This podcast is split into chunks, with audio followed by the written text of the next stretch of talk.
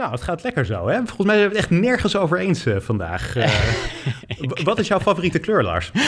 Blauw. Nee, rood is beter. Kijk, zie je, daar gaat het alweer. Dit is gewoon een drama. Oké, we zijn een karikatuur aan het worden van onszelf hier.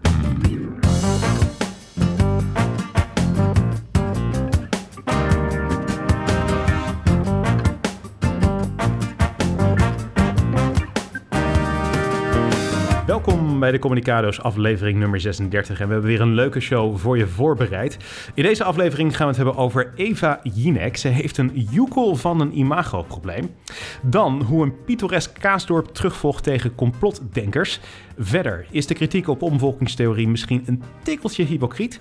En een blik achter de schermen bij het live event van POM. Vergeet je niet te abonneren en te recenseren als je dit een leuke podcast vindt, want dat stellen we natuurlijk enorm op prijs. Maar we zijn er weer. Zit je ook zo te genieten van het zomerse weer, Lars? ik geniet enorm van de zon. Ik, ik heb wel een hele drukke week gehad, dus ik ben niet zoveel buiten geweest. Maar uh, het is wel lekker dat, dat de zon schijnt, ja. Ik vind het gewoon lekker dat je ook gewoon weer t-shirts en dat soort zaken kan dragen. Ik vind dat altijd fijn. Dat is altijd een goede tijd van het jaar. En mensen zeggen dus de laatste tijd echt heel vaak tegen mij... het zijn niet één of twee mensen, maar echt meerdere mensen van... je ziet er gewoon gespierd uit. Dat is toch fijn om te horen? ja, dacht ik, uh, ik wil dat ook echt hier met alle luisteraars die mij niet kennen, die mij niet zien, wil ik dat ook delen. Dat mensen dat tegen mij zeggen.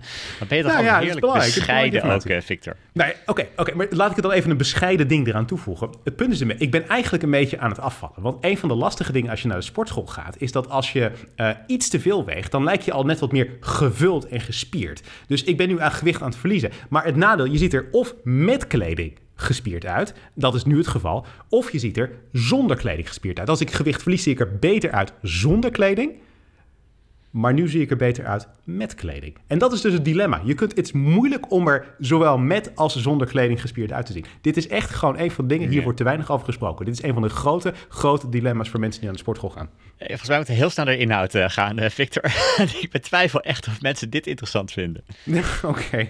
Nou, weet ik niet. Ik vond het mij is best een interessant inzicht. Maar goed, anyway, oké, okay, fair enough. laten we naar de inhoud doorgaan. Ik zat vrijdag naar een talkshow te kijken.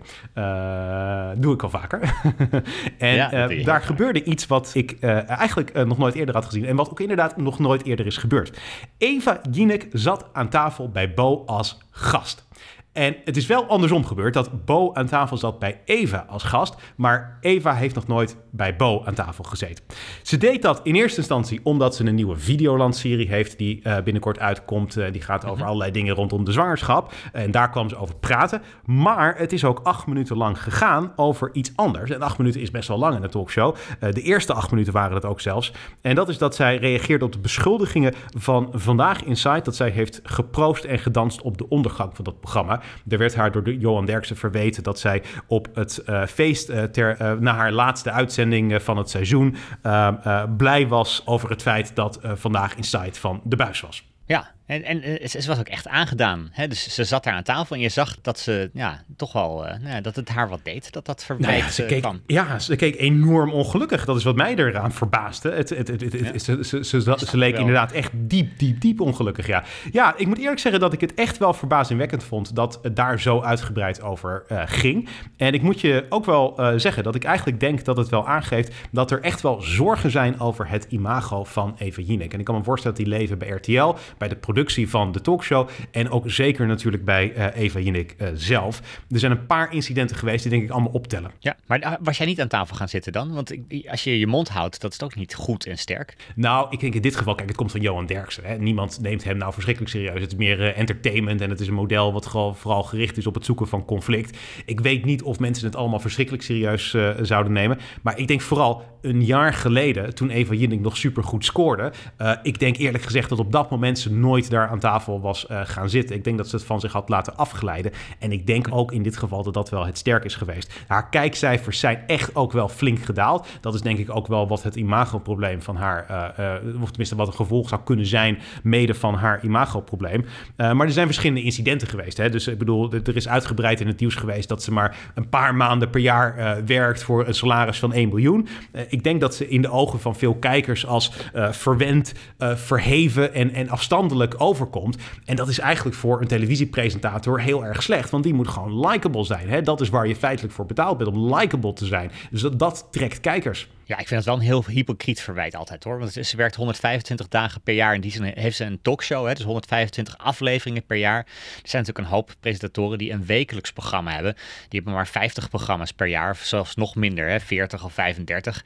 Dus ik, ik ken geen enkele dagvoorzitter die bijvoorbeeld 125 evenementen per jaar kan, uh, kan begeleiden. Hè. Dus het is, het is echt wel intensief om 125 programma's live per jaar te maken. Ja, maar ik ken wel heel veel stratenmakers die 200 dagen per jaar werken. En uh, die, die krijgen er niet het salaris van een uh, miljoen uh, voor. Nee. ja, kom op, laten we nou niet doen alsof we allemaal medelijden moeten hebben met de arme, zielige Eva Jinek. Ze wordt er ongelooflijk goed voor gecompenseerd. En dan mag je wel verwachten van iemand dat ze een klein beetje hard werken. Ik moet je eerlijk zeggen, ik denk echt dat er is echt in Hilversum een gebrek aan werkethiek. Die mensen nemen allemaal zulke verschrikkelijk lange vakanties. Ik heb zoiets van, jongens, jullie verdienen allemaal ongelooflijk veel. Ga eens werken voor, de, voor, voor dat salaris. Nou, ik, ik, denk overigens vooral de presentatoren verdienen veel. Hè? Dus de, ik ken genoeg redacteuren die helemaal niet veel verdienen. Die een, nee, een contract nee, voor tien eh, maanden krijgen. Gewoon niet eens betaald krijgen in de zomer. Hè? Omdat ze dan weer een nieuw contract kunnen krijgen twee maanden later. Dus ik, ik denk dat dat geldt zeker niet voor de redacteuren. Deze, deze nee, nee, nee. Het geldt voor de sterren vooral inderdaad. Ja, zodra mensen een klein beetje inderdaad uh, salaris krijgen, dan, uh, dan houden ze deze op met hard werken. maar maar ik, ik kan me echt voorstellen, dit imago-probleem. dit, dit, ik kan me echt voorstellen dat dit iets is waar ze zich bij RTL ook zorgen om maken. Want dit zal echt afgestamd zijn met de zender. Uh, dat zij daar aan tafel aanschuift. En ook die vragen die Bo aan haar stelde over die aanval van Johan Derksen. Ook dat zal allemaal afgestemd zijn. Ik kan me best voorstellen dat er bijvoorbeeld kijkersonderzoek is gedaan. Waaruit blijkt dat mensen een minder positief beeld hebben van Eva Jinek. En dat ze daarom dit recht zet. Uh, ze heeft ook een interview over ditzelfde onderwerp op diezelfde dag aan de Telegraaf gegeven. Dus kennelijk is het echt heel belangrijk dat die boodschap goed naar buiten wordt gebracht. En ze heeft natuurlijk ook een paar weken geleden gereageerd op uh, die uh, kwestie waarbij ze hypocrisie werd verweten. Doordat er een, uh, een paar jaar geleden naar een talkshow werd gelachen om een aangerande voetballer. Jij hebt er nog op Twitter ook een vrij groot punt ja. van gemaakt. ook dat heeft ze dus inderdaad echt expliciet gepareerd. Dus ze gaat hier heel uitgebreid op in. Was dit ook niet wat er gebeurde met uh, Humberto Tan? Toen, uh, die was natuurlijk, daar waren geruchten over, of sterke geruchten, dat hij vreemd was uh, gegaan. En op een gegeven moment ging zijn persoonlijke geloofwaardigheid ging naar beneden. En het gevolg ja. zag je wel dat daardoor, denk ik, ook de, de kijkcijfers heel veel naar beneden ja. gingen. Dat, dat mensen dus kennelijk dus die persoonlijke geloofwaardigheid, hoe kijk je tegen iemands karakter aan, toch niet los kunnen zien van wil ik naar dat programma kijken. Dat denk ik ook. Het zijn personality shows. En dat is natuurlijk ook, uh, dat was uh, Umberto Tan en RTL Late Night. En dat is ook zeker Jinek en dat is ook zeker Bo. Uh, het, het, hangt of staat allemaal aan of ze de, mensen de presentator mogen inderdaad. Ja, dus nee, dat ben ik helemaal met je eens. Ik denk dat de imagoproblemen van Umberto Tan een grote impact gehad hebben op de kijkcijfers van uh, RTL Late Night. En dat zou mogelijk ook kunnen gebeuren met Eva Jinek. Ze zit nu op, wat ik zei, zo'n 5 à 600.000 kijkers. Nou, dat was vorig jaar zo'n 900.000 kijkers. je ziet dat het dus flink is gedaald, maar ook in de rangorde van talkshows. Want uh, de best bekeken talkshow rond dat tijdstip is tegenwoordig Vandaag in Site. Dan komt op één. En dan vaak op een afstandje komt uh, uh, Jinek en of Bo. ja, dat was vorig jaar echt anders. Want toen werd er eigenlijk steeds om de toppositie gestreden tussen Jinek en op één. Vandaag in Site was er natuurlijk toen de tijd nog niet. maar die twee programma's scoorden ongeveer even goed. En afhankelijk van de gasten en de onderwerpen scoorde de een iets beter of de ander iets beter. Nou, tegenwoordig is het echt op één die, die substantieel beter scoort. Ik denk dat dat met het imago van Eva Jinek te maken heeft. Ik denk overigens ook dat er een probleem is dat ze iets te veel aan het programmeren zijn op entertainment. Met andere woorden, het is tegenwoordig echt een entertainmentprogramma dat heel soms een klein beetje aan nieuws doet. Maar vroeger was het een nieuwsprogramma dat het entertainment doet. Ook daar krijg ik sterke RTL Late Night vibes, want daarmee is het niet verschrikkelijk urgent. Ze hebben zelden de gast van de dag. Het gebeurt zelden dat, dat Jinek daar een bestuurder zoals, of een politicus zoals Farid Azarkan onder vuur neemt en echt een pittig interview uh, heeft zoals ze dat vroeger deed. Dat zie je eigenlijk niet zo heel vaak meer gebeuren. Het is allemaal iets wat lekker wegkijkt, maar ook wel echt heel erg misbaar is. En dat is echt wel een gevaar voor een talkshow. En dat had RTL Late Night ook heel sterk. Alleen maar entertainment. Dus ik zie dat ook wel als een ander potentieel gevaar in combinatie met uh, de imagoproblemen van Jinek. Ja, wat ik me afvraag, hè, van, uh, want je zegt van uh, het, doet pijn dat ze, ze waren of de eerste of de tweede vorig jaar. En dit jaar is het elke keer nou ja, de tweede of de derde. Of ze staan eigenlijk stevast onderaan op het podium eigenlijk. Maakt dat echt uit? Want ik kan me voorstellen, bijvoorbeeld het aantal kijkers, dat maakt echt uit. Want uh, je wil adverteerders binnenhalen en als je op een gegeven moment minder kijkers hebt, dan gaan de adverteerders gaan minder betalen en dat soort dingen. Dus daar raakt, zie je direct een effect van of je nou groot bent of, of niet. Maar maakt ja. het voor een talkshow nou heel erg uit of mensen Boer zoekt vrouw kijken of uh, Vandaag in Site bijvoorbeeld? Hè? Dus uh, is, is dat niet iets waar vooral misschien de redacteuren zelf of de presentator zelf gevoelig is. Dat je iets, het doet iets met je ego misschien als je niet de grootste talkshow bent. Maar maakt het echt uit of je nou de eerste of de derde bent? Uh, nee, als de kijkcijfers niet lager waren, dan zou het niet uitpakken. Dan zou het inderdaad misschien het ego zijn van, van de mensen die het maken. Die, dat ze zoiets ja. hebben van wij zouden beter in de rangorde terecht willen komen. Maar financieel gezien, als het kijkersaantal gelijk was geweest in dat hypothetische geval, uh, dan, dan, ja, dan had het inderdaad niet zo verschrikkelijk veel uh, uitgemaakt. Misschien was er dan een discussie gekomen of er niet een entertainmentprogramma in de plaats was gekomen wat nog hoger zou scoren op RTL op dat uh, tijdstip. Uh, dat zou eventueel een gevaar kunnen zijn, maar dat denk ik ook dat dat niet zo verschrikkelijk realistisch is. Maar ik denk wel dat dit een probleem is dus vanwege die dalende kijkcijfers. En we zijn dus van 900.000 naar 5 tot 600.000 gegaan. Als dit nog 200.000 daalt, dan zitten we gewoon rond de 300.000. Dat zijn Twan Huiscijfers. Hè? Twan Huis heeft ook een tijdje RTL Late Night gepresenteerd. En dat was niet zo'n hele lange tijd, omdat het gewoon heel belabberd scoorde. Dus dat is wel echt een risico voor Eva Jinek dat ze in die richting gaat. Dus ik kan me voorstellen dat ze dat tij wel moeten keren. Ik denk overigens dat de oorlog in Oekraïne echt heel slecht is geweest voor uh, de late talkshow van uh, RTL. Uh, ze wisten gewoon niet wat ze met dat onderwerp aan moesten. op één is gewoon de nieuws talkshow. Die hebben de grootste experts. Die hebben daar Rob de Wijk bijvoorbeeld aan tafel zitten. Ja, en bij Jinek proberen ze het half entertainment, half newsy te maken. Ja, maar dan krijg je een, een actrice zoals Victoria Koblenko, die daar belangrijkste expert is.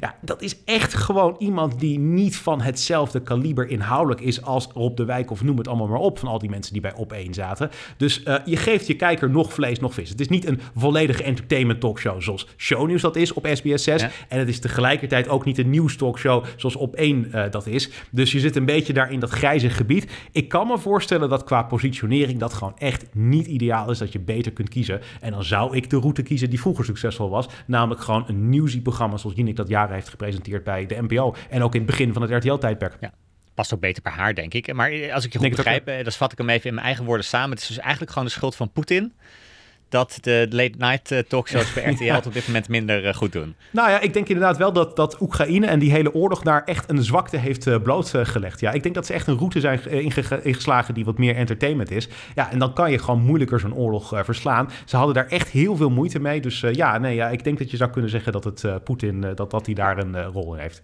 Maar ze deden wel veel met corona juist. Ja, nee, klopt. Het is ook pas echt, uh, het is voor mij echt pas duidelijk geworden sinds het einde van het coronatijdperk. Uh, dat, dat, dat toen uh, zijn ze wat meer die andere entertainment kant op gegaan. Maar goed, we gaan het zien. Wie weet hoe zich dat allemaal gaat ontwikkelen. Ik ben benieuwd. Wellicht zijn ze zich ook aan het beraden over hoe ze daarmee om moeten gaan. maar goed, dat gaan we allemaal zien. Laten we even doorgaan naar het volgende onderwerp. Want er is ja. meer te bespreken in deze wereld dan, dan talkshows, verrassend genoeg. en dat is dat een pittoreske gemeente terugvecht tegen complotdenkers. En het gaat hier over de gemeente Bodegraven. Uh, ja. Lars, wat is hier aan de hand? Ja, ik wil een feel-good verhaal vertellen. Waar je gewoon aan het einde van het verhaal zo steeds beter gaat voelen over uh, een, een, een kaasdorp dat uh, Bodegraven heet. Ben je er wel eens geweest, Victor? Zeker. Ja, het is, het is een prachtige gemeente. Uh, uh, zo aan het water en zo. Het, het is, uh, het is een mooi plaatsje. Maar ik, ik dacht toch wel even voor de mensen die Bodegraven niet kennen. Waar Bodegraven vroeger onbekend was, dat, dat was de kaas. maar ehm, in, inmiddels is Bodegraven bekend om iets heel anders. De Mhm. kwaadaardige complottheorieën. En de, dan neem ik even terug naar een aantal jaar geleden. Uh, daar zijn op een gegeven moment drie mannen geweest. Misha Kat, uh, Joost Knevel en Wouter Raadgever. Die, Mhm. die gingen um, helemaal los op Bodegraven. Want er zou volgens hen een satanisch pedofiele netwerk zijn in Bodegraven. Uh, die aan rituele kindermoorden doet. Ze noemden ook concrete namen, onder meer een, een RIVM-boegbeeld zou daarbij betrokken zijn. En eigenlijk overal waar ze maar konden, verspreiden ze die, die, die, die valse complotten. Op het Red Pill Journal, dat zegt, zegt, mij dan niks, maar misschien ken jij dat. Uh, websites, telegramgroepen, via posters. En uh, wat het vervelende was, heel veel mensen zagen dat en geloofden het kennelijk ook. En wat je op een gegeven moment in Bodegraven zag... Mensen dat, geloofden dat er een pedofiele netwerk uh, was, dat, dat zeg je? Die kinderen ritueel misbruikten en vermoorden. Okay. Ja. Ja, allemaal in Bodegraven. En op een gegeven moment zijn er grote groepen mensen naar Bodegraven gekomen om op kindergraven bloemen te leggen, briefjes mm -hmm. achter te laten. Dus uh, ja, allemaal ouders die dan een, een, een kind op vroege leeftijd eh, verloren waren, die zagen ineens allemaal boeketten en, en, en, briefjes van wat verschrikkelijk dat jij misbruikt bent en, en, en dat soort dingen. En, en ja. dat werd steeds erger. En de inwoners van Bodegraven die werden lastiggevallen, uitgescholden. En op een gegeven moment was er een, een, een, noodverordening van de gemeente om al die complotgekkies van de begraafplaats uh, te weren. En moesten er beveiligers ingehuurd worden, omdat nou ja, allemaal gekke uh, gekkies daar naartoe gingen. Die geloofden dat er één groot kindermisbruikcentrum was in Bodegraven. Hm. Ik kan me wel voorstellen dat je daar als uh, nabestaande wel echt heel veel moeite mee uh, hebt. Uh, dat er dat soort teksten en dat soort, van dat soort mensen bloemen worden gelegd op een graf. Dat, ja. dat, dat is echt traumatiserend inderdaad. Dat denk ik ook. Dat doet me een beetje denken in Amerika. Heb je natuurlijk volgens mij ook uh, vergelijkbare gevallen gehad dat uh, slachtoffers van, van schietpartijen, dat die dan door complotgekkies benaderd worden omdat ze gelogen zouden hebben dat hun eigen kind dood is en zo. En echt heel naar aangevallen. Ja, zeker. Alex Jones, de bekende radiopresentator, die, die, die zet mensen daartoe aan inderdaad. Ja, ja, dat is niet chic inderdaad. Dat is verschrikkelijk zelfs. Ja. En, en volgens mij is de grote vraag met dit soort dingen is van wat kan je er tegen doen? En uh, er zijn twee dingen gebeurd in, uh, behalve dan dat, die noodverordening en zo, zijn er twee dingen gebeurd juridisch. Er is een strafzaak gestart tegen deze mensen. En uh, mm -hmm. nou, ze zitten in, inmiddels zitten ze ook alle drie vast. Dus ze zitten in de, in de, in de, in de gevangenis. Mm -hmm. maar Bodegraven deed iets unieks. Wat eigenlijk in Nederland ook nog niet zo vaak gebeurd is. Het startte ook een civiele zaak tegen deze drie uh, complotgekkies. Dus ze zijn uh, veroordeeld strafrechtelijk gezien, maar er is een civiele ja. zaak in, in het leven geroepen. En jij wilde net zeggen, omdat daarmee de kosten uh, kunnen worden teruggevorderd van het inhuren van een beveiliger ja. voor die begraafplaatsen. Ja, ze, zijn, ze, hebben ze willen de schade verhalen op de daders. Bijvoorbeeld van die beveiligers. Ze zeggen van wij hebben beveiligers moeten inhuren. Um, betaal er maar voor. Het is jullie schuld. Uh, vorig jaar werden de drie veroordeeld. Toen zei de rechter: uh, jullie moeten echt stoppen met het verspreiden van die complottheorieën. Toen hoefden ze nog niet direct te betalen, maar heeft de rechter daaraan uh, toegevoegd: als jullie doorgaan met het verspreiden van deze verhalen. of ze hebben een, ook een kans gekregen bij de rechter om uit te leggen dat het klopt, hè, maar dat konden ze niet. Dus de rechter vroeg ook echt door van: nou, heb je bewijs voor dit verhaal? Nou, dat hadden ze totaal niet. Maar uh, werd er een dwangsom opgelegd. En heeft de rechter ook gezegd: van als jullie doorgaan met het verspreiden van dit soort uh, verhalen, dan moet je wel die schade gaan, uh, gaan betalen. En dat is nu gebeurd. Afgelopen week heeft de rechter geoordeeld dat ze inderdaad doorgingen met, met, met het verspreiden daarvan. En ze moeten nu 215.000 euro betalen, onder meer voor die beveiligers die ingehuurd zijn. Ja, dat is een behoorlijk uh, bedrag, uh, 215.000 euro. Ja, ik betwijfel of ze het kunnen betalen. Hè, dus, dat is, uh, dus of het echt of bij een verhaal kan worden. Hè, maar ik denk wel dat het een, een, een hele nieuwe manier is om er mee om te gaan. En dat zegt ook de advocaat in die zaak. Die zegt echt dat het een, een unicum is. Hè, de, de rechtbank oordeelt, zegt hij, dat als je alle, online allerlei uitspraken doet die later onrechtmatig blijken te zijn, dat je ook financieel verantwoordelijk bent voor de schade die je aanricht. En ik werd eigenlijk wel heel blij met dat dit gebeurt. Ik dacht, voor mij zijn er drie redenen waarom dit eigenlijk zo goed is en zo belangrijk is. En ik dacht, maar even één ding, even één ding helder te krijgen. Want uh, ja. uh, nou ja, die drie mensen die zijn dus, dus strafrechtelijk veroordeeld en die zijn civielrechtelijk uh, veroordeeld. Ja. Maar die hebben niet zelf uh, al die schade aangericht aan die graven. Dat zijn andere mensen geweest ja. die die informatie hebben gevolgd van die drie mensen. Ja, ze hebben mensen opgeroepen om naar die uh, begraafplaats te gaan. En vervolgens is dat gebeurd. Die ja, is geïntimideerd. Hè? En ze hebben, ze hebben ook echt mensen opgeroepen om, om daar, uh, daar echt dingen te doen op die begraafplaats. Hè? Dus het is niet zomaar dat, dat zij een berichtje online hebben gezet... dat mensen uit eigen initiatief dan maar naar Bodegraven gingen. Ze hebben mensen opgeroepen om daar naartoe te gaan. Juist, oké. Um, drie redenen waarom het volgens mij zo belangrijk is. Eén, uh, volgens mij is het een heel goed signaal dat hier uh, vanuit gaat. Als jij de, de, de samenleving schade berokkent, nou, dan gaan we die schade op jou verhalen. Uh, want het alternatief, laten we wel zijn, Victor, is dat jij en ik betalen voor de schade van die complotgekkies. Um, dus ik denk dat het signaal niet alleen naar die daders is, maar ook naar de rest van de samenleving. Van als jij echt, echt met dit soort onzin met dit soort schadelijke en kwaadaardige onzin heel veel schade veroorzaakt, ja, dan ja. betaal er maar voor. Dus ik denk dat dat wel een goed signaal is. Mm -hmm. Ja. Twee, uh, volgens mij is het ook steeds noodzakelijker, want je ziet dat die complotten die gaan steeds breder rond. Hè? Dus er zijn altijd complottheorieën geweest, hè? dus dat is niet nieuw. Maar je ziet wel uh, door sociale media gaan ze wel makkelijker uh, rond. Is dat zo? En heb je ja, daar bewijs van? Nou ja, dat, je, je ziet dat heel veel complotten wel uh, heel makkelijk rondgaan. Hè. Dan gaan we straks kan ook gaan zijn dat het gewoon zichtbaarder is uh, geworden uh, omdat we sociale media hebben. Dat kan absoluut. Hè? Dus ik, ik, vind het interessant om daar om, om, om, nou, maar het is wel een punt, want jij zegt van het, het gaat vaker ja. rond. Dat is denk ik een assumptie die bij heel veel mensen leeft inderdaad. Ja. En er is, het is heel moeilijk om dat te onderzoeken natuurlijk. ik heb een tijdje geleden iets gelezen over het feit dat ze dat probeerden te achterhalen op, aan de hand van brieven die zijn gestuurd naar de krant. Dus krant krantenredacties krijgen altijd brieven, ook van gekkies inderdaad. En een deel daarvan is van besteed eens aandacht aan mijn complottheorie. En het, mhm. het, het, blijkt dat als je daarnaar gaat kijken naar brieven die gestuurd zijn naar kranten, in Amerika in ieder geval, dat er niet meer van dat soort brieven zijn bijgekomen de afgelopen honderd jaar.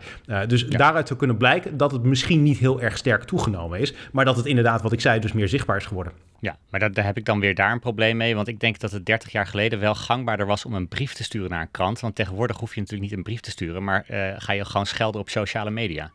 Nou, kijk, het punt dus als je dat gaat vergelijken, hoeveel...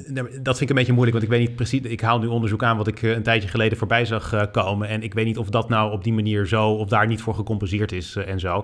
dat weet ik niet. Maar ik, ik bedoel, jij zegt van... er zijn meer complottheorieën. En nogmaals, dat is dus de gangbare maatstaf dat is niet iets wat bewezen is. En ik denk dat het wel heel moeilijk is om dat te bewijzen. Ja, uh, en ik denk dat het ook goed is om er wel bij stil te staan. Want uh, ik denk eigenlijk altijd van, er zijn altijd gekkies. En we maken ons misschien ook wel een klein beetje te veel zorgen... om die 0,1% van de mensen die hier sterk in geloven. Ja, maar wel die heel veel schade aanrichten. Nou, in dit eh, geval dus. Bijvoorbeeld in Bodegraven. Ja. ja, maar heel veel complotdenkers richten natuurlijk geen enkele schade aan. Hè? Er zijn ook heel veel mensen die dingen vinden die gewoon gek zijn. En ik denk dat we overigens allemaal dingen vinden die gek zijn. Ja, maar ik heb, we hebben ook gezien dat uh, bij de corona-discussies natuurlijk uh, ook, ook, GGD's aangevallen werden en zo. En dat uh, we zien bij 5G dat masten in de, in de fik worden gestoken en zo. Hè. Dus er wordt wel aan de hand van complotten wordt schade aangericht. Ja, maar ik bedoel, dat is volgens mij altijd geweest. Maar nogmaals, de vraag is dus van, is dat meer dan in het verleden? En dat is denk ik iets wat gesteld vaak wordt, zonder dat dat bewezen is. Nou, laat ik hem dan preciezer formuleren. Ze gaan in ieder geval makkelijk rond op sociale media. En uh, als je ook recenter de discussie volgt, dan zie je dat er op dit moment bijvoorbeeld bij Twitter een hele discussie speelt rondom die overname, of de mogelijke overname door Elon Musk. En uh, die heeft heel nadrukkelijk al aangegeven dat als het hem lukt bijvoorbeeld om Twitter over te nemen, dan gaat hij straks alleen maar dingen niet toestaan op Twitter die voor de wet verboden zijn dus dat betekent dat nu wordt er nog ingegrepen bij, uh, worden er labels bij gezet, worden er soms ook dingen uh, eraf gehaald. Uh, Donald Trump, toen hij opriep tot, tot geweld, is, hij, is hij ook eraf gehaald. Nou, daarvan zegt Elon Musk, dat ga ik in ieder geval allemaal toestaan. maar dan moet je, denk ik, zeker als dit soort partijen zich onttrekken aan hun eigen verantwoordelijkheid, moet je ook wel een duidelijk wettelijk kader hebben om in te kunnen grijpen. maar dat duidelijke wettenkader is er natuurlijk nooit. Dat is het lastige daarvan. Het is altijd ter beoordeling aan van de rechter. En er zit er gewoon echt een heel groot grijs gebied aan. Ik moet je wel zeggen, als ik kan kiezen wie, dat, dat wie die beslissing moet nemen, is dat de rechter. Hè? Dus dat, dat, dat een partij die zich bewust is van zijn verantwoordelijkheid in de rechtszaal. Of een paar anonieme mensen die bij Twitter uh, daar in een of ander groot uh, bedrijf daar uh, werken en, en daar allerlei dingen moeten goedkeuren dan wel afkeuren. Dan heb ik eigenlijk liever dat het rechter zijn, als ik heel eerlijk ben. Want ik vind het soms erg subjectief, de manier waarop uh, sommige mensen uh, uh, op Twitter worden gecensureerd. Daar kunnen we op zich al een hele discussie over voeren. Dat moeten we misschien ook al een keer doen, want het is op zich denk ik wel een interessant onderwerp. Voor mij is het een beetje de vergelijking met um, als je naar een, een, club gaat, dan heb je daar ook een beveiliger bij de uitgang. En, en als jij bijvoorbeeld als jongen aan de meisjes zit, dan word je op een gegeven moment word je die, uit die club gezet. Dat is niet omdat de rechter vindt dat je uit die club moet, maar omdat er bepaalde regels zijn in die club. En als je niet aan die regels houdt, ja, dan mag de eigenaar van de club en de beveiliger daarvan mag je uit die club gooien. Uh, als jij je misdraagt in een uh, café, dan word je op een gegeven moment ook eruit gegooid. Ja, maar kijk, als jij niet naar die ene club mag, dan is dat niet zo. Dat is misschien vervelend dat je niet naar die club kan. Maar uh, het probleem is een beetje dat als politici van Facebook en Twitter worden afgegooid, dat ze dan gewoon contact niet kunnen maken met hun kiezers. En dat ze een minder kleine kans hebben om verkiezingen te winnen. Dus dat heeft hele grote gevolgen voor de democratie. En het, ja, het uit een club worden gegooid heeft dat niet. Dus ik vind dat niet een vergelijkbaar voorbeeld. Maar dat geeft wel aan dat sommige tech-giganten zo verschillend invloedrijk en machtig zijn geworden in onze samenleving. Dat uh, ja, het eigenlijk wel eigenlijk zo is dat ze te machtig zijn geworden. En dan vind ik het eigenlijk ook best wel lastig om ze die grote verantwoordelijkheid te geven van wat wel gepast is en wat niet gepast is. Nou, in dat geval moet jij in ieder geval heel erg blij zijn met wat Bodegraven nu doet. Want die zorgen dat ze het voorleggen aan een rechter. Dat de rechter goed kijkt, kun je onderbouwen wat je hier verspreidt. En, want, en, en kijkt of er schade is. Nou, in het geval dat je het niet kan onderbouwen, maar er wel heel veel schade is, dan zegt de rechter, nou, dan moet je opdraaien voor die schade. Dus dan is hier in ieder geval dat wettelijk kader goed gebruikt. En uh, is dat ook, nou ja, een, groot voordeel. Zelfs als jij vindt dat Twitter het dus niet moet doen. Nou, het gaat lekker zo, hè? Volgens mij zijn we het echt nergens over eens uh, vandaag. Uh, wat is jouw favoriete kleur, Lars?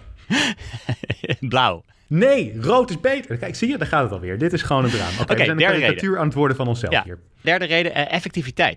Wat niet in de verslaggeving werd genoemd, maar volgens mij wel een hele belangrijke reden is, om het op deze manier aan te pakken, is Mhm. dat complotten en het verspreiden van complotten steeds vaker een verdienmodel is.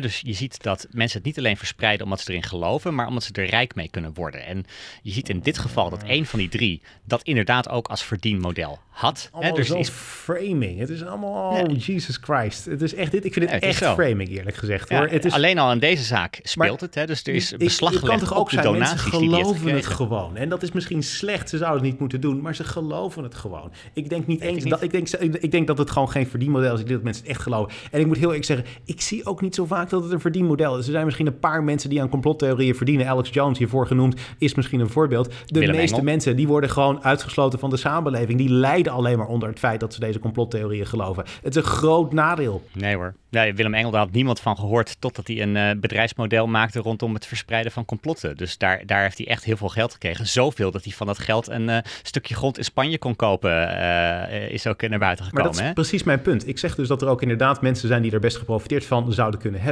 Maar ik denk de vast majority van mensen, die heeft daar niet van geprofiteerd. Als jij te koop loopt met jouw complottheorieën, ben je over het algemeen persona non grata. Ja, nou ja, het is in ieder geval goed dat als jij, eh, als jij eh, schade eh, aanbrengt met complotten en daar ook nog eens geld voor vraagt en eh, geld mee verdient, dat er beslag gelegd kan worden op dat wat jij eh, verdient met je complotten. Dus ik denk dat ook hier een extra reden kan zijn om ook mensen voor de schade aan te klagen, is dat je dat bedrijfsmodel onderuit haalt. Nou, met die conclusie ben ik het eens. Maar vooral omdat ik denk van ja, dat is niet iets wat de belastingbetaler moet eh, gaan betalen. Dus met reden nummer één, als ik het goed heb in jouw administratie, daar ben ik het volledig mee eens. Die andere vind ik wat meer sturend en ook erg framend allemaal. Maar goed, daar zullen we het allemaal niet al te veel over hebben. Laten we naar een volgende complottheorie gaan. Eh, en dat is de omvolkingstheorie. Eh, het is een eh, klein bruggetje. Het is een controversiële theorie die is echt mainstream gegaan de afgelopen weken. Hij gaat al een tijdje rond in de wat meer populistische rechtse kringen. En nu is het iets wat je echt gewoon heel veel daar ziet. Het is ook iets waar we van denk ik de komende jaren veel meer over gaan horen. Even om te beginnen, wat, is, het? Wat, wat betekent voor jou dat het mainstream is gaan? Want het is nog steeds een extreem rechtse racistische theorie, toch? En dat hij Eh, toevallig in een van de minst bekeken programma's, geloof ik, van de publieke omroep van eh, Ongehoord Nederland eh, aan de orde kwam, betekent toch niet dat hij in Nederland mainstream gaat, toch? Nou, ik bedoel maar te zeggen dat het gewoon een theorie is die ontzettend veel aandacht uh, heeft uh, gekregen. In ieder geval in de Verenigde Staten de afgelopen tijd. Ja. Uh, en dat dat iets is wat door heel veel Republikeinen. Ik wilde straks een peiling aanhalen waaruit blijkt dat bijvoorbeeld de helft van de Republikeinen erin gelooft. Nou, dat noem ik redelijk mainstream, maar dat is gewoon een significant deel van het land. Ook op Fox News bijvoorbeeld wordt er heel veel over gesproken. in Nederland is het ongehoord Nederland inderdaad. D dat is de publieke omroep die je aanhaalde, die het besproken heeft. nee, maar Thierry Baudet en Geert Wilders halen het wel aan. dus dus ik, ik, wat ik bedoel te zeggen is niet zozeer, ik heb er geen waardeoordeel over. Het is niet dat ik zeg van, we moeten allemaal omvolkingstheorie gaan overnemen. Het is de nieuwe ideologie waar we achter moeten gaan staan. Met mainstream bedoel ik gewoon feitelijk dat het heel veel prominenter in het uh, nieuws is. En dat is de reden waarom ik het eigenlijk wil bespreken. Want ja, als het gewoon een beetje een obscure theorie is, waar, waar, wat geen enkele betekenis uh, heeft, dan denk ik dat het minder interessant uh, zou zijn om het te bespreken. Maar goed, het is dus inderdaad de afgelopen tijd in het nieuws gekomen. En het is in het nieuws gekomen vooral vanwege die schutter in Buffalo, die supermarkt Uh, die heeft uh, toen tien mensen gedood, uh, nog meer gewonden achtergelaten. En die heeft een 180 pagina's tellend manifest achtergelaten. waarin hij de massamoord heeft opgebiecht. En als reden ook aan heeft gegeven dat, nou ja, omvolkingstheorie. dat is een van de redenen waarom hij die massamoord heeft gepleegd. wat is het? het? De theorie zegt eigenlijk dat er een complot is. Het is een complottheorie. dat de elite de huidige bevolking wil vervangen. door een bevolking die bestaat uit meer minderheden. Dus vermoedelijk dat er door middel van meer immigranten toe te laten er een nieuwe bevolking komt in Nederland, Europa of de Verenigde Staten die gehoorzamer is, die meer progressief is, die meer uh, linkse partijen steunt. Uh, dat is min of meer de, de theorie zoals die wordt gehanteerd. En nog wat, hè? dus er wordt gesproken over een witte genocide. Hè? Dus de, het, het witte ras, voor zover er zoiets bestaat als ras, uh, moet zuiver gehouden worden en groot gehouden worden in deze theorie. En er zitten ook antisemitische elementen in, waarbij het niet alleen nee, om maar, een elite maar, gaat, je, maar een wachten, Joodse Je bent nu even dingen door elkaar aan het halen. Dit is echt heel ingewikkeld. Dit is heel ingewikkeld. Dit is heel ingewikkeld. Uh, wat jij nu aanhaalt is de omvolkingstheorie van Adolf Hitler. En Adolf Hitler nee, nee. heeft uh, in het verleden ook inderdaad de omvolkingstheorie gehanteerd en toegepast. dat is namelijk het hele het etnisch zuiveren inderdaad wat hij daar gedaan heeft. Dus dat is één voorbeeld van waar de omvolkingstheorie tot excessen heeft geleid. Dat is, ehm, er wordt in rechtse kringen niet aangehaald is van dat moeten we doen. er wordt juist gezegd van dat is wat de elite wil doen, maar dan door de huidige bevolking te vervangen door allerlei immigranten. Dus in rechts is het niet een theorie die zij aanhalen van zo moet het. Zij halen het aan als theorie van juist het schrikbeeld van Hitler, dat willen voorkomen. En de linkse elite, zo zien zij dat, die willen uiteindelijk dat gaan bewerkstelligen door veel meer immigranten toe te laten. De omvolkingstheorie die nu wordt aangehaald, eh, ik ben er ook even ingedoken, dat is de theorie van uh, Renaud Camus. Dus die is daarmee uh, gekomen, een, een, een, Fransman.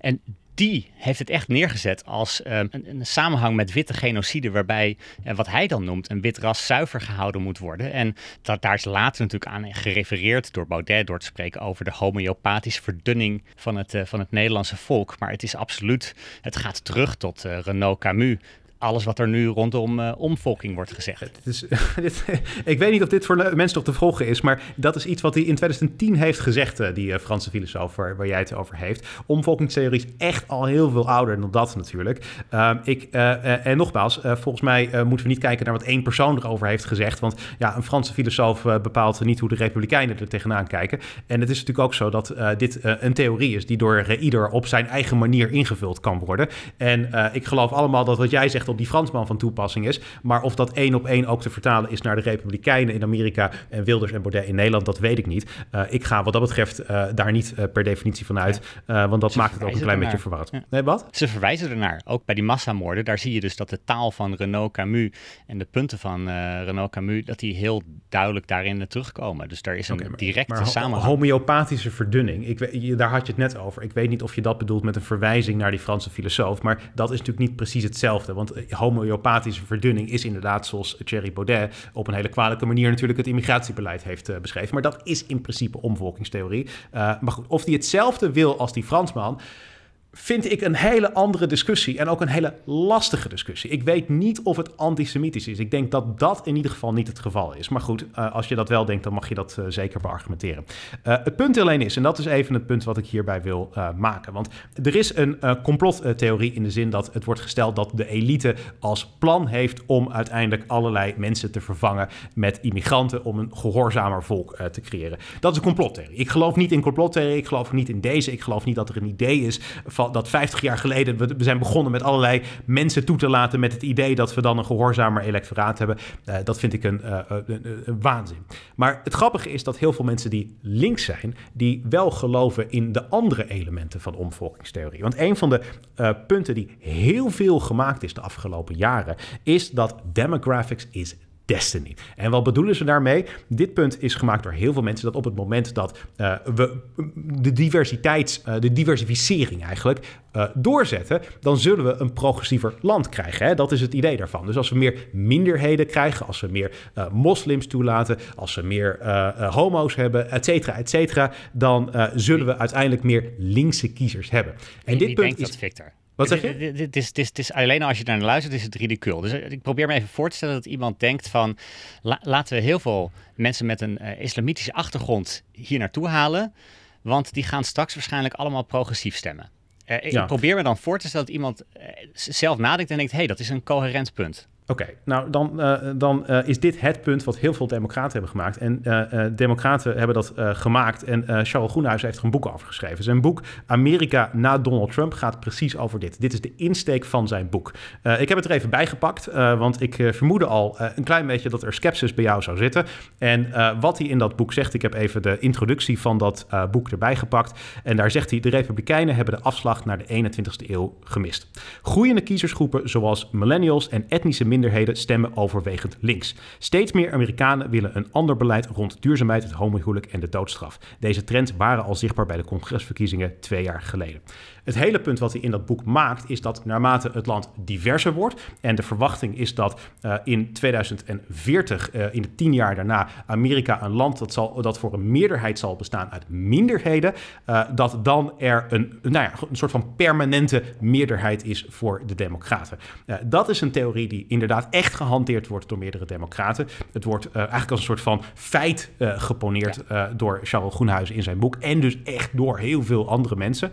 Dus is dit iets wat ridicul is? Ik ga er zo op terugkomen, want ik ben het er ook niet helemaal mee eens. Om niet te zeggen dat ik het helemaal niet mee eens ben. Maar ik vind het juist heel kwalijk dat er vaak wordt gezegd dat op het moment dat we meer immigranten toelaten, dan gaan we vanzelf zorgen dat er een permanente linkse meerderheid komt. Ja. Want ik denk dat dat voor heel veel witte mensen juist enorm kwetsend is. En het wordt als ja, polariserend ervaren.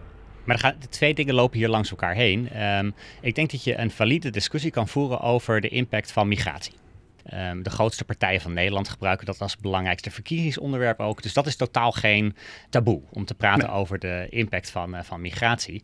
Uh, het wordt anders als je zegt: nee, zij vervangen ons. Ik, ik, ik, zou het nog wel even preciezer willen formuleren. Er is een verschil tussen zeggen dat de stemvoorkeuren van immigranten in het voordeel van ofwel links ofwel rechts, in dit geval dus links werken. En laten we nog maar meer immigranten toelaten, zodat we een linkser electoraat krijgen. Dus daar ben ik het helemaal met je eens. Ik ben het dus ook niet met dat laatste deel eens. Ik geloof niet dat het een complot is van de elite. Maar wat ik probeer aan te geven, wat ik heel hypocriet vind, is dat mensen dan daarop afgeven. Terwijl uh, er door heel veel mensen die links van het politieke spectrum wordt aangenomen dat op het moment dat we meer immigranten toelaten, we een linkser electoraat uh, krijgen. Dat is iets wat nou ja, in het verleden zich heeft bewezen natuurlijk. Hè, want uh, laten we uh, wel wezen, de, de, meeste immigranten stemmen uh, links. Zeker in, in, in de eerste jaren dat ze naar zo'n land zijn gekomen. Dus ik, ik, begrijp ergens waar die gedachte vandaan komt. en dat is ja. iets wat ook wel breed erkend is.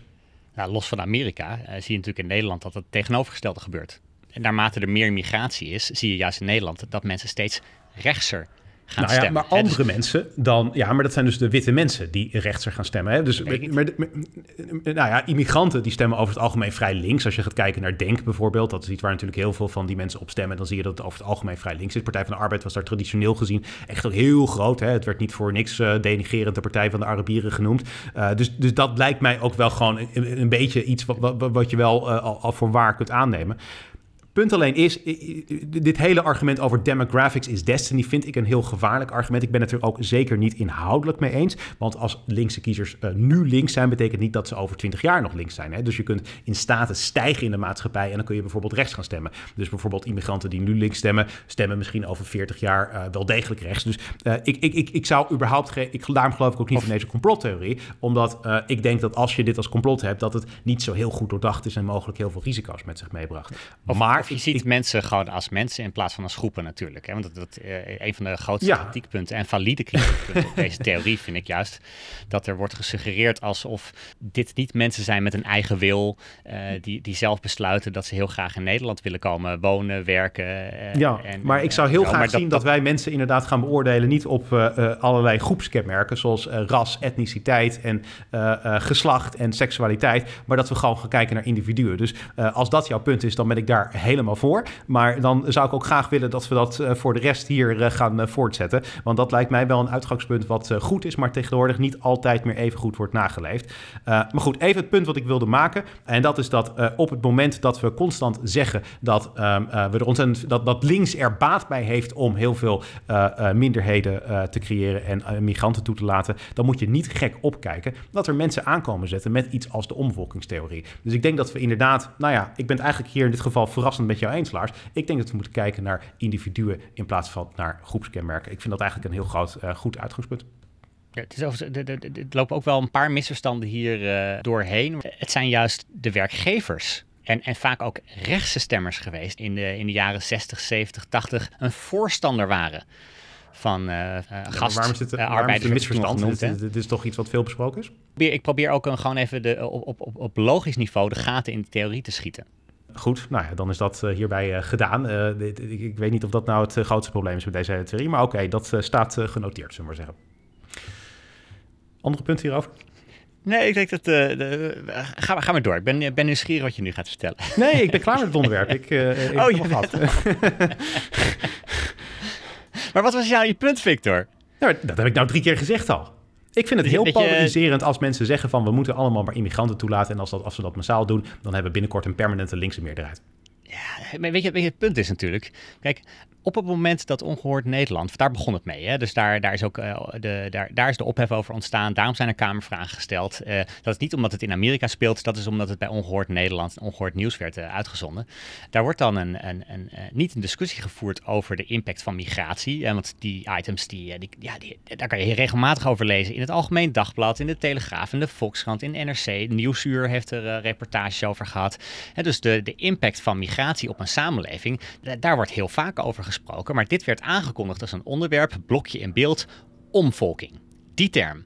Vervolgens werd het ook omvolking genoemd. Eh, Philip de Winter werd uitgenodigd, die heeft net een boek geschreven, dat heet Omvolking. Nou, als je doelbewust de term van een extreemrechtse racistische theorie gebruikt, dan moet je niet vreemd opkijken als mensen dan op een gegeven moment denken van hé, hey, dit vind ik niet tof dat dit op de publieke omroep wordt uitgezonden. Uh, nou ja, ik denk dat kritiek daarop uh, zeker is toegestaan. Maar nogmaals, ik denk dus dat een deel van de essentie van die omvolkingstheorie, niet het complotdeel, maar wel het feit dat meer immigratie tot een linkser electoraat leidt, dat dat dus door heel veel linkse mensen wordt ondersteund.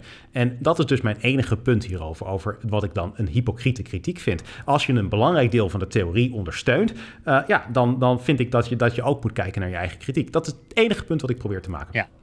Anyway, laten we het hebben over een. Uh, we hebben nog even een paar korte punten, zie ik hier staan. En de eerste daarvan, uh, Lars, is dat rechters zich mengen in het maatschappelijk debat. We hebben wel lekker discussie trouwens vandaag. Ik ja, maar ik vraag me wel af of dit nou interessant is. Ik heb wel het idee dat dit uh, zeg maar wel echt soms onnavolgbaar, of nee, niet onnavolgbaar, maar niet te volgen is. Maar goed, dat gaan we zien.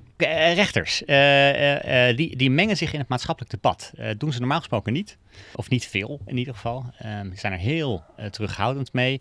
En je, je ziet in de politieke discussie zie je dat er de laatste tijd veel aandacht is voor de kinderen die bij hun ouders zijn weggehaald rondom de toeslagenaffaire natuurlijk. Hè. Dus, dus daar, daar, daar is echt groot leed aangedaan aan ouders en, uh, en, en kinderen. En het beeld ja. is toch ontstaan dat, dat de regering echt echt heel veel laat liggen in het, in, in het, uh, in het oplossen daarvan. En ook dat uh, in het verleden toch wel heel makkelijk kinderen bij hun ouders weggehaald zijn. Ja. En ik, dacht, ik vond dat ook. Ik dacht van ja, dit, dit, dit is echt uh, groot, uh, groot onrecht. En er waren twee dingen die ik deze week las die me daar toch een beetje genuanceerder in hebben, hebben gemaakt. Eén, een stuk van uh, Jesse Frederik, die, die aangeeft dat... de correspondent? Nou ja, de, van de correspondent, die aangeeft dat ligt wel wat genuanceerder. Hij noemde ook een voorbeeld bijvoorbeeld van de rechtbank West-Brabant. Die, die heeft een kind echt bij de ouders weggehaald van iemand die aangewezen is als een slachtoffer van de toeslagenaffaire. En daar was het verhaal achter de schermen. Dat de, de, de kinderen met volle luiers uh, op, het, uh, op het balkon stonden te huilen. Uh, en nou ja, dat, dat de, de, de ouders echt ja, een grote last hadden, van alcohol- en drugsmisbruik. Toen de politie naar binnen ging, toen lagen zij onder invloed te slapen. Het gebit van de minderjarige zoon was zo slecht gepoetst dat alle tanden zwart waren. En dat ze eruit getrokken moesten worden, waardoor hij ja. niet goed kon spreken. Wat is het punt dat hij daarmee maakte? Heel vaak speelt er wel uh, wat, wat, wat breder dan alleen financiën. En dat wordt ook wel bevestigd door een, uh, door een, een, kinderrechter in de Volkskrant deze week, die, die, die aangeeft dat ja, alleen financiële gevolgen, financiële problemen, zijn nooit een reden om een kind bij ouders weg te halen. En zij zegt van die, die kinderen van de, van de slachtoffers van de toeslagenaffaire hebben recht op dezelfde bescherming als elk ander kind. Ja. En zij zegt, het is helemaal niet over één nacht ijs gegaan. Er zijn heel lastige beslissingen geweest. En misschien kan je wel zeggen dat als die toeslagenaffaire niet had gespeeld, dat die ouders nooit in problemen waren gekomen. Maar je moet ook reëel zijn dat kinderen ook wel echt recht hadden op bescherming. En ja, ik ben toch iets genuanceerder gaan, kijken naar die hele discussie erover. Dat ik dacht van ja, er, er werd wel een beetje gesuggereerd van uh, ja, die kinderen zijn echt alleen maar door financiële problemen bij hun ouders weggehaald. Uh, als je die ouders nu wat geld geeft, dan kunnen die kinderen weer terug. En ik dacht okay. van ja. ja. Mm. En wat ik interessant vond, dus, is dat de, de, de rechter ook echt een opiniestuk schrijft in de, in de Volkskrant om de kant van de rechtspraak hierin uh, te laten zien. Want dat, dat, dat zie je niet zo vaak. Nee, precies. Zeker niet. Oké, okay, ja. Hey, interessant. Dan heb ik hier staan, Lars is waanzinnig onder de indruk van de MH17-website. Ja, heb je die wel eens gezien? Uh, je hebt de link hier gezet, dus ik zag hem inderdaad, ja. Maar je hebt ook gekeken dus? Uh... Ik, de, de, twee seconden hoor, niet heel uitgebreid. Oh, niet lang. Ze hebben echt een geweldige website, want die hele rechtszaak is natuurlijk geweest. Uh, het OM heeft echt jarenlang onderzoek gedaan om erachter te komen wat er precies is gebeurd is en hoe dat gegaan is. En ook nou ja, daar uitvinden wie die boekraket heeft afgeschoten en zo. En toch zag je dat er, uh, we hebben het eerder vandaag gehad over complottheorieën. Uh, die gingen toch behoorlijk lang rond. Uh, voor een deel natuurlijk ook verspreid door de Russen zelf. En het OM heeft echt heel veel moeite gedaan om voor een breed publiek begrijpelijk neer te zetten wat er precies gebeurd is met bewijsmiddelen, met beelden erbij. Um, gesprekken die gevoerd zijn in uh, Oekraïne door die, uh, door die rebellen, die pro-Russische strijders, wat er precies gebeurde. En het is fascinerend om minuut voor minuut te kijken wat er precies gebeurd is. En ze hebben al die bewijsmiddelen uit de rechtszaak hebben ze gebruikt om uh, voor een breed publiek uh, uh, begrijpelijk te maken wat er gebeurd is. En ik, ja, ik vind het geweldige publieksvoorlichting. Dus ik, ik moedig ja. het enorm toe. En ik zou er ook ja, beslist een kijkje nemen. Ik, zat, ik zet de link in de, in de show notes. Show notes. Ja. Uh, dus ik zou daar beslist naar kijken. Ja, interessant. Goed dat ze dat doen. Even kijken. En dan heb ik hier iets over het apenpokkenvirus. Ja. Daar moeten we misschien iets mee... Zullen we daar een lange discussie over hebben, Victor? Ik heb geen idee. Wat wil je erover zeggen? Nee, ik wilde er eigenlijk maar één ding over doen, omdat iets opviel. Het is een kleine observatie, maar ik denk wel een, een, een zinvolle. Ik zet en, mijn schap. Ik ben benieuwd. Wat, ja. dit, je kadert het zo in. Ik denk eerlijk gezegd dat dit meer is dan een observatie. Dat ja. je hiermee een politiek punt wil maken, maar we gaan het zien. Wat is je punt? Nee, ja, ja, je weet stiekem natuurlijk, weet je welk punt ik ga maken. Omdat ik dat dan netjes in de aantekeningen uh, zet. Uh, heel vaak uh, moet je natuurlijk kiezen als beeldredactie welke foto je bij zo'n stuk zet. En nou ja, je zag in coronatijd, zag je natuurlijk heel veel van die, van die ingezoomde virussen zag je in beeld komen. Hè? Van die groene lichtgevende dingen die als fotomateriaal werden gebruikt. die pokken, die apenpokken, die zijn behoorlijk beeldend en ook uh, best, uh, best ranzig om, uh, om te zien. En ja, dat wordt, wordt best vaak als beeldmateriaal gebruikt. Er is alleen één ding wat mij heel erg opviel. Het zijn eigenlijk bijna altijd mensen met een zwarte huidskleur die op die foto staan. Ja. En ik vraag me af, of Jaap van Dissel trouwens, die wordt ook wel eens bij zo'n bij zo'n tekst gezet. Maar het zijn eigenlijk bijna altijd mensen met een, met een donkere huidskleur die dan voor het fotomateriaal worden gebruikt. En ik denk dat beeldredacties er toch wel um, van bewust moeten zijn dat dat wel uh, heel duidelijk een beeld oproept bij de kijker. Dat als je nu mensen op straat vraagt van uh, ja, wie, wie, wie, uh, van wie is de kans het grootst dat hij de apenpokken bij zich draagt, dat mensen al heel snel gaan denken, oh dat zal wel iemand met een donkere huidskleur zijn. Ja, maar apenbokken komt uit Afrika. Dus dat is de reden waarom vermoedelijk de meeste mensen die afgebeeld worden zwart zijn. En dat is dus precies wat ik, wat ik ook wel begrijp, hè, want daar, zul, daar zal het meeste fotomateriaal van beschikbaar zijn. Maar het is geen enkele aanwijzing dat dat nu, in de, de, nu het rondgaat in, in Europa, Noord-Amerika, dat dat, dat dat mensen met een donkere huidskleur zouden zijn. Dus ik, ik, nee. ik zou in ieder geval. denkt toch ook helemaal niemand? Denk dat dat wel een effect heeft. Ja, als mensen zo'n nieuws. Jij denkt dat mensen dat denken: dit is alleen maar iets wat zwarte mensen kan overkomen, omdat ze meer mensen op zwarte foto of meer zwarte mensen op foto's zien dan witte mensen op foto's. Nou, ik, ik, ik zag bij het coronavirus dat mensen uh, minder naar de Chinees gingen en geweld ook uh, tegen Aziaten begonnen, omdat ze toch de indruk hadden dat het coronavirus iets Aziatisch was ik denk eerlijk gezegd, er is gewoon een goede reden in dit geval waarom er zwarte mensen op foto's uh, te zien zijn.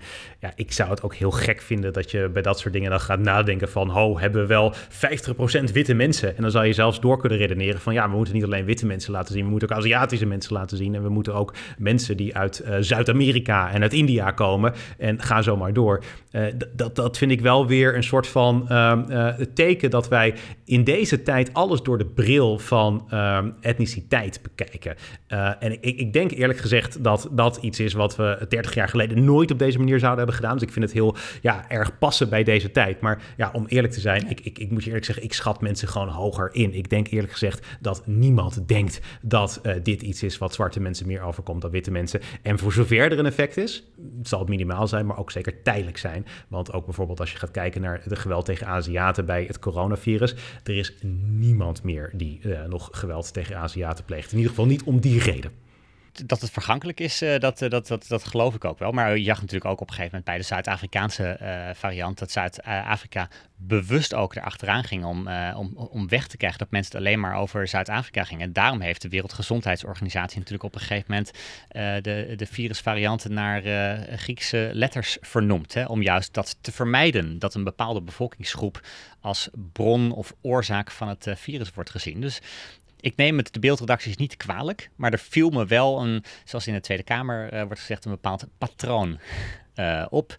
Waarvan ik, eh, denk, van, uh, waarvan ik dacht, denk er wel over na. Dat je, dat, dat je, dat je, dat je niet echt alleen maar één groep daar op de, op de foto zet. Zeker als dat niet blijkt te kloppen met hoe de verspreiding op dit moment rondgaat in, uh, in, uh, in Europa of uh, Noord-Amerika. Ik was niet gelijk dat dit niet zomaar een observatie was, maar wel degelijk een politiek punt. Maar goed, oké. Anyway, we hebben nog de rubriek Vraag het Fik en Lars. Je kunt je vraag insturen naar vraaghetfikenlars.gmail.com. Dat mag een vraag naar mening zijn, advies of een persoonlijke vraag. Alle vragen die zijn van harte welkom en elke week kiezen we de leukste vraag uit om die te behandelen in deze podcast. Vandaag hebben we een vraag van Linda, zij schrijft: Hoi, ik had jullie gezien bij het live event van een podcast over media. En ik wilde wel even zeggen dat ik jullie podcast ook super leuk vond. Maar ik durfde uh, niet en jullie. Uh, maar ik durfde niet. En jullie hebben nu ook een mailadres in de show notes. Dus doe ik het maar even zo. Anyways, goed bezig met de podcast. En ik vond de stem van God ook heel erg leuk. En ik heb nog wel een vraag. Gaan jullie ook op een gegeven moment achter een Podimo betaalmuur of reclames doen? Of zijn jullie niet zo commercieel? Hmm, Oké, dat is de vraag van Linda. Zijn wij commercieel, Lars? Dat is de vraag. En eh, niet in deze podcast. Oké, wat bedoel je ermee? Nou, ik denk dat ik best commercieel eh, ben en, en, kan zijn, maar dat, dat deze podcast voor mij niet als belangrijkste doel heeft om er eh, veel geld mee te verdienen. Nee, precies. Dat is denk ik ook de reden waarom we niet zo heel veel uh, aan dat soort, uh, niet zoveel tijd hebben aan dat soort uh, besteed aan reclames en dat soort zaken. ik denk niet dat we het uitsluiten per definitie voor de toekomst. misschien is dat op enig moment een bijzonder aantrekkelijke propositie.